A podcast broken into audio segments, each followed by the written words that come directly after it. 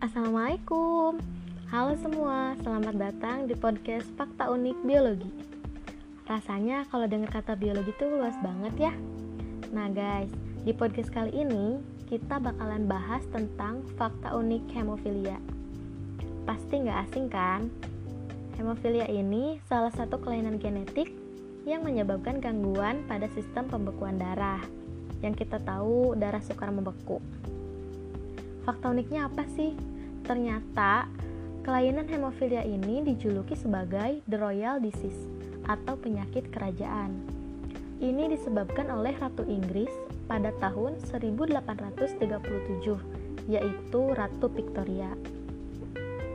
Ratu Inggris pada tahun 1837 tersebut merupakan pembawa hemofilia di keluarga kerajaan Inggris yang merupakan hasil dari mutasi gen sehingga banyaknya keturunan dari Ratu Victoria ini menderita penyakit tersebut.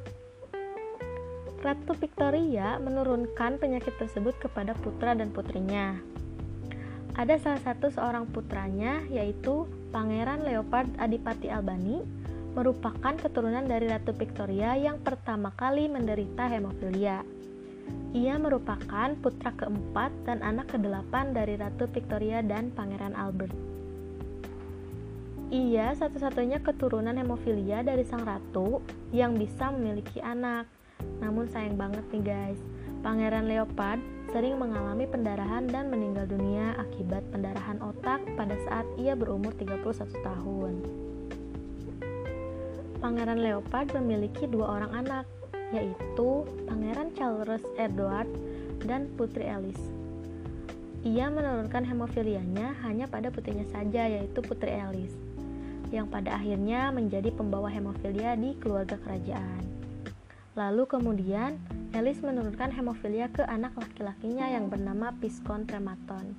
Sayangnya lagi, Piskon Trematon ini meninggal dunia akibat pendarahan otak pada tahun 1928. Nah, itu dia guys seputar fakta unik tentang hemofilia.